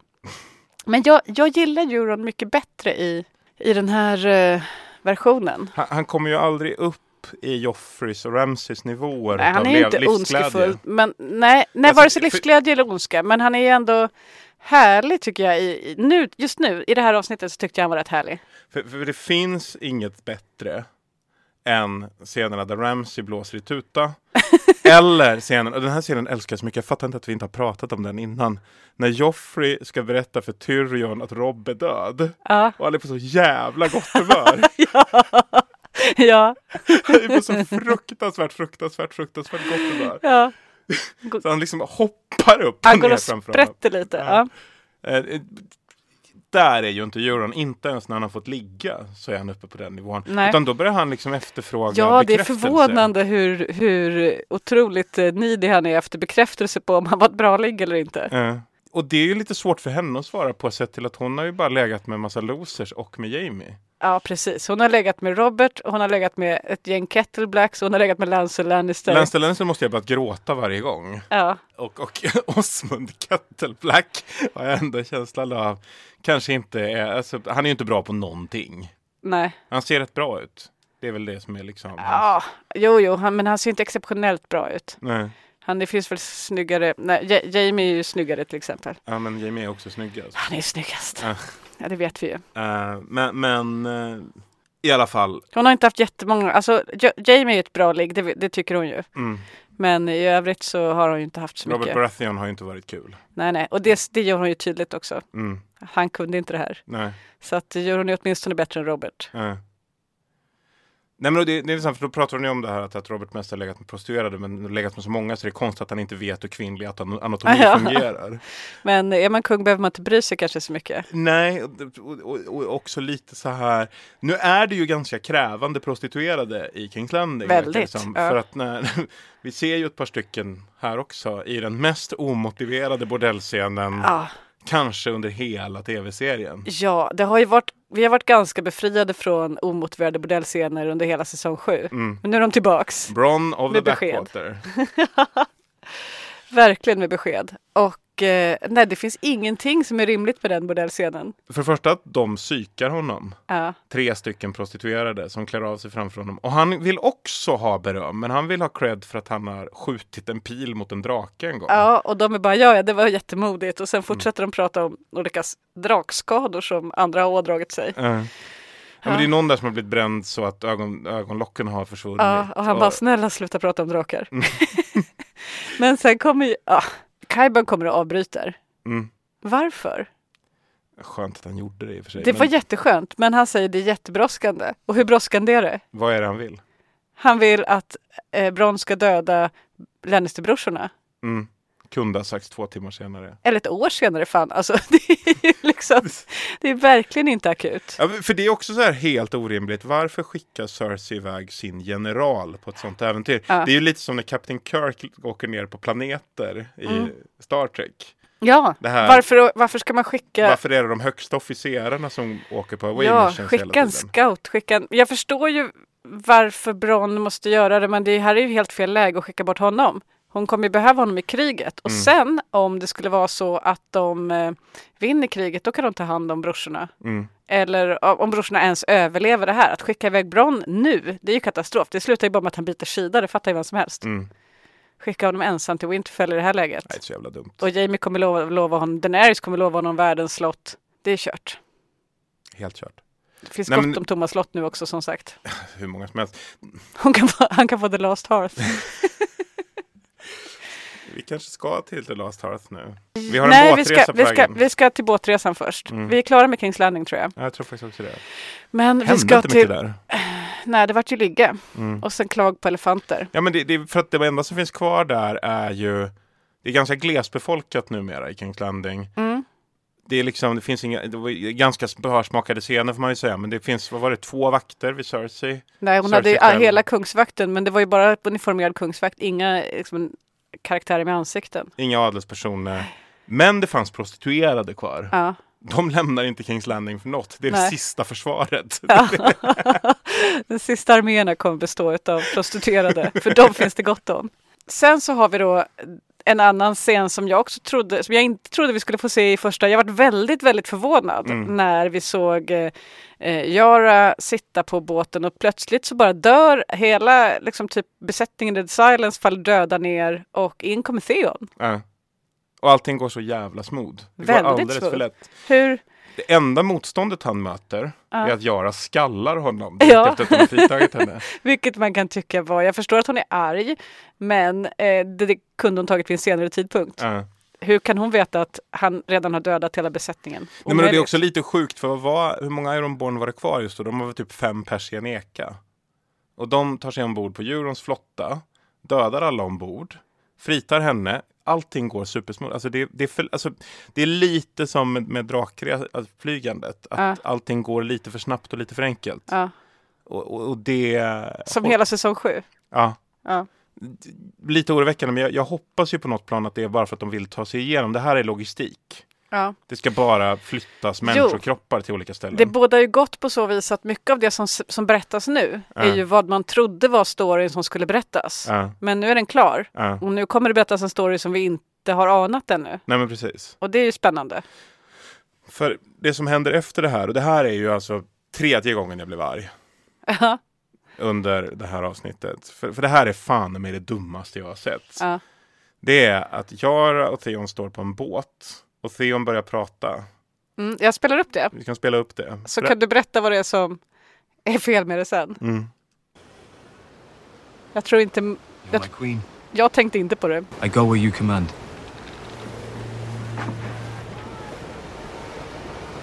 You want to go to Winterfell? To fight for the Starks? Go.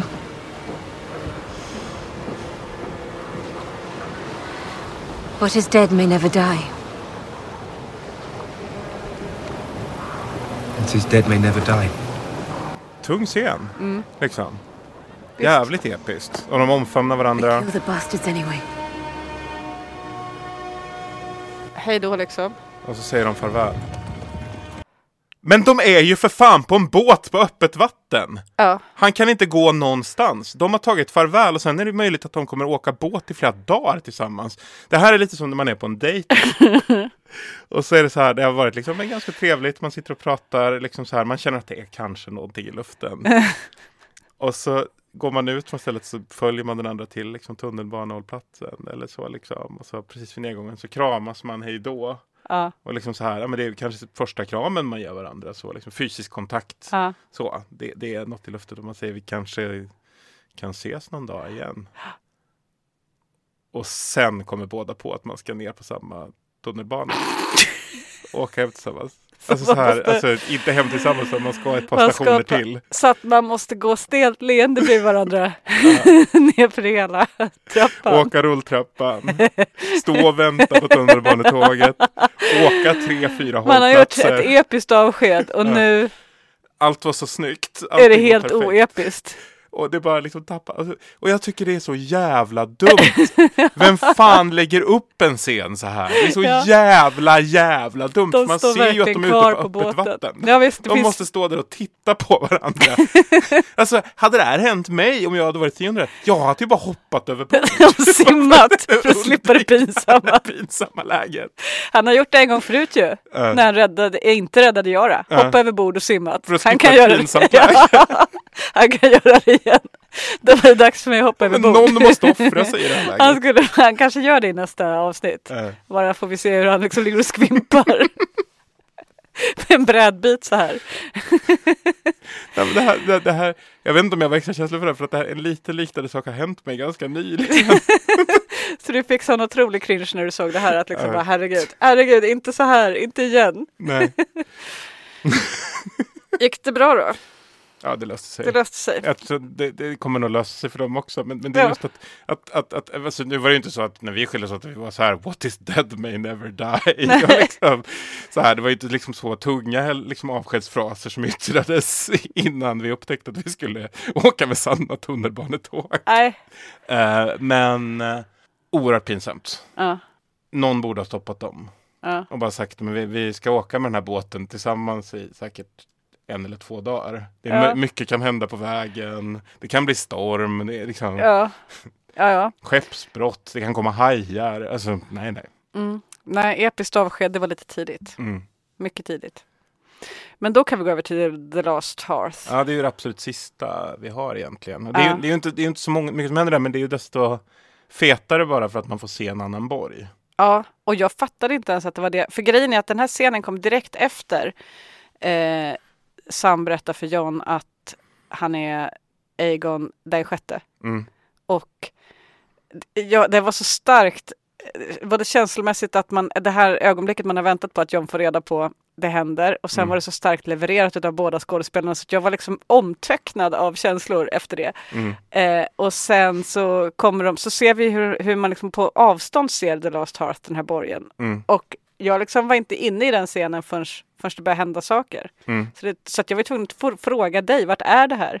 Sen när vi såg det igen så... Du trodde det var Castle Black? Ja, jag fattar inte alls vart de var. För jag tänkte så här typ att de sa ju nämligen att eh, de säger något om att, eh, Ned, att de tog Ned Amber på vägen. Och då tänkte jag att då kan han inte varit fram... Ja, ja.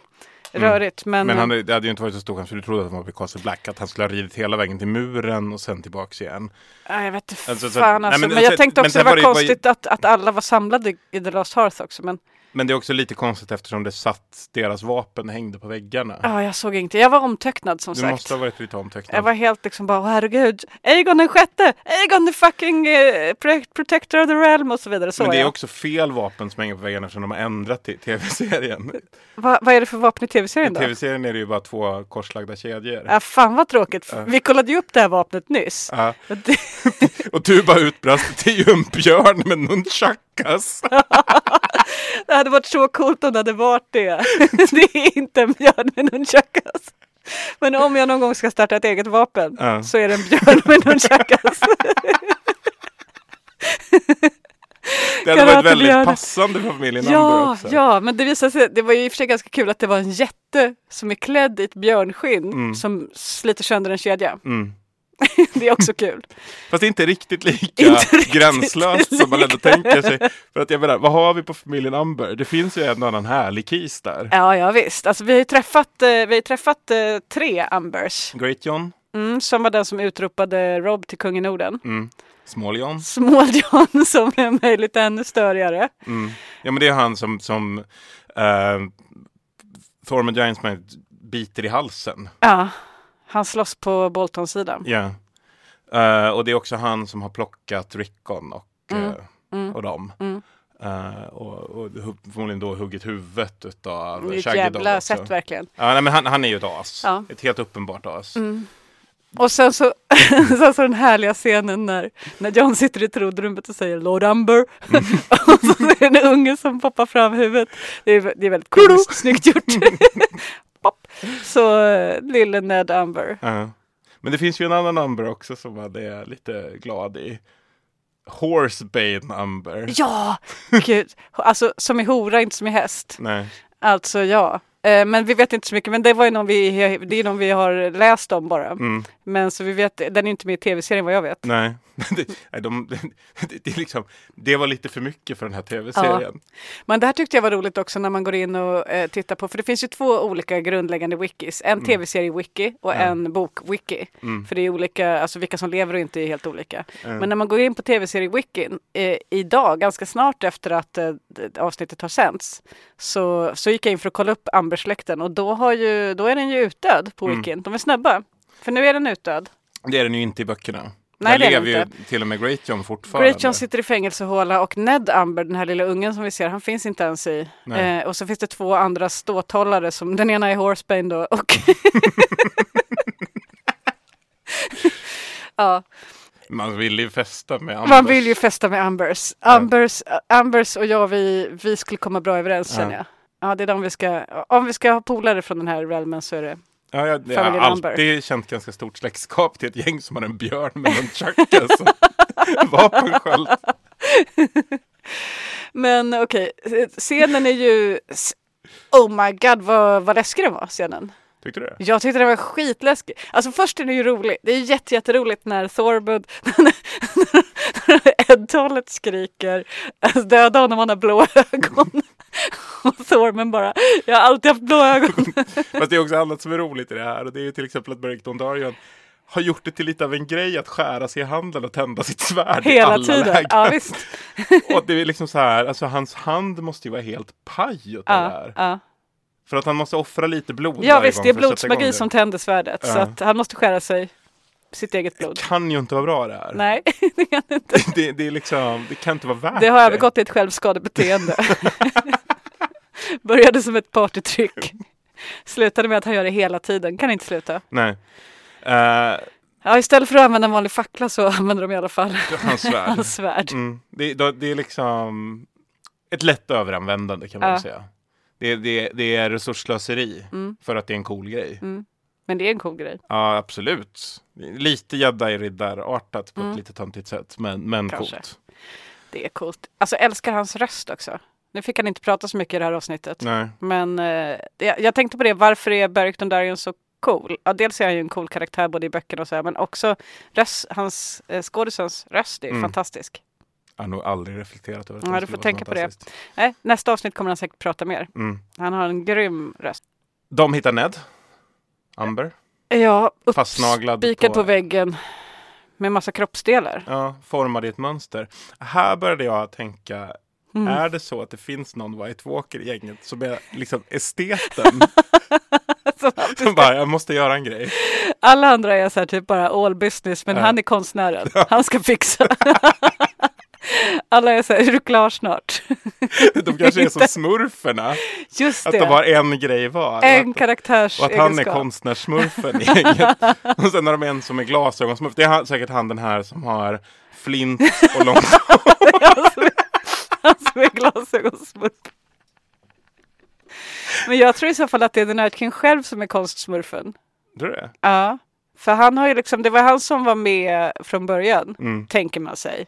Och som var med när The Children of the Forest fortfarande var med i bilden och skapade de här och så. Mm. Han har fått det därifrån, tänker jag. Så du tänker att han också är någon sorts känslig estet?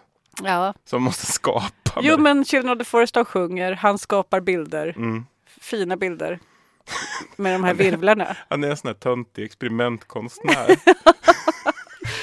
Ja. Så bara, jag målar i min koblod och eh, kroppsdelar. Jo men vet du vad det stämmer ju för att han var väl inte med vid Hard Home? Då var Jo. det ju, jo det var han, det, Det var var han. Ja just det. Men det, det kan ha målats med kroppsdelar där Ja, också. det det vet vi ju faktiskt inte. Nej. Det var ju ganska fräcka effekter med de som var utanför palissaderna. Ja och grejen är att han gjorde ju verkligen en så här typ, han, han gjorde en städan med John och väntade jätte, jättelänge på att göra sitt move där han reste Mm. alla döda. Han är ju en konstnär. Ja, teatralisk. Ja. Han är en konstnär i mord och eh, förstörelse. Som någon på Dramaten. Ja, precis som Mm. någon på Dramaten. ja men verkligen. Men nej men jag vart skitskraj på riktigt. Ehm, När Ned... när Ned började skrika. Ja. Alltså först var det ju otäckt att han, att han var död för att han var en gullig unge och man, man höll ändå på honom. Och han, Mm. han var, det var synd om honom, han var ensam liten. Och, Det var lite spoilat för mig. Aha. För det var typ den enda riktiga läckan. Att Ned som hade dö. kommit inför Mm. säsong 8. Alltså Mm. innan, alltså vi vet ju lite andra så här riktlinjer som att avsnitt 3 heter Battle of the Bastard, eller Battle of Winterfell och det kommer vara den längsta stridsscenen och sådär.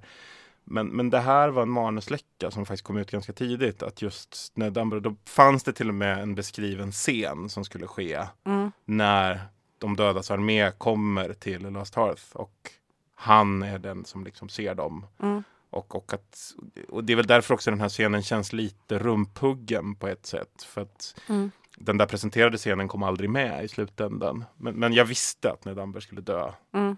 Redan när han åkte och hämtade. eh, För han, han skickas ju tillbaka från Winterfell för att hämta alla som bor i Hearth. Mm. Det är ju det som är liksom... Exakt. Han får ta med sig lite vagnar och hästar och så ska han hämta alla. Ja.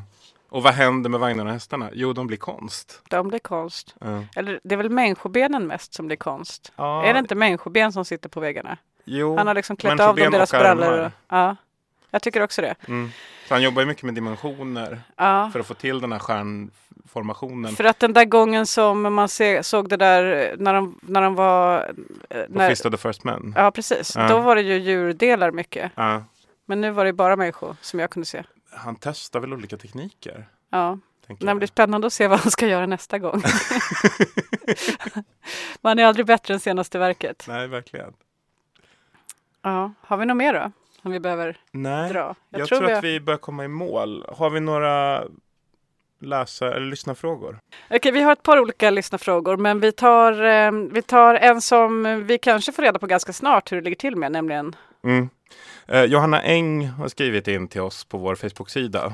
Eh, den ska ni också gilla och för att då kan ni skriva meddelanden till oss och ställa olika frågor.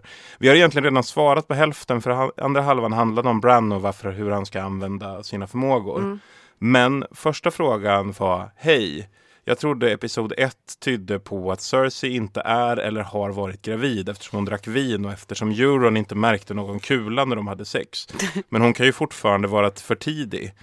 Detta trodde dock inte panelen på theringer.com. De verkade tänka att C dricker vin lite random ändå. Vad tror ni?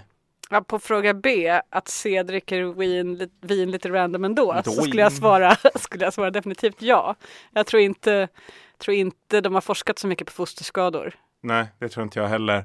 Och det här är ändå medeltiden och, och på medeltiden drack man typ bara alkohol. Ja. Man drack inte vatten på det sättet. Så att det, liksom, det fanns ingen forskning som pekade på att det skulle vara något negativt Nej. överhuvudtaget. Det är klart hon dricker vin. Men på fråga A, om hon är gravid, så är jag också lite, jag kände också en svängning i min åsikt under avsnittet. Både för att Sansa dissar Tyrion så hårt i hans uppfattning. Mm. Och för hur de gjorde den där scenen med Euron. Mm. Eh, jag har alltid varit lite ambivalent. Ja. Eh, och, jag tror nog inte att hon är det. Och framförallt var det just Sansas svar till Tyrion. Att han Mm. trodde så hårt på att nu har Cersei fått någonting att tro på. Mm. För att hon är också nihilist. Mm. Och Cersei vet hur man spelar Tyrion. Mm. Och, eller, och, och där känner jag, för då tyckte ju Sansa att han var en jävla idiot. Mm. Och Att när hon sa det så fattade- kände jag att Sansa hade rätt. Och det är mycket i det här avsnittet som handlar om just hur, hur män inte förstår kvinnors spel. Det är mycket i avsnittet som handlar om att Sansa har haft rätt hela tiden. Så jag tycker så att vi ska lycklig. gå på Sansas linje Ja, överlag. ja. Så att finns- nej, Cersei är inte gravid. Cersei har ett otroligt starkt record i att ha rätt genom hela serien faktiskt. Alltså förutom precis första säsongerna. Sansa menar du?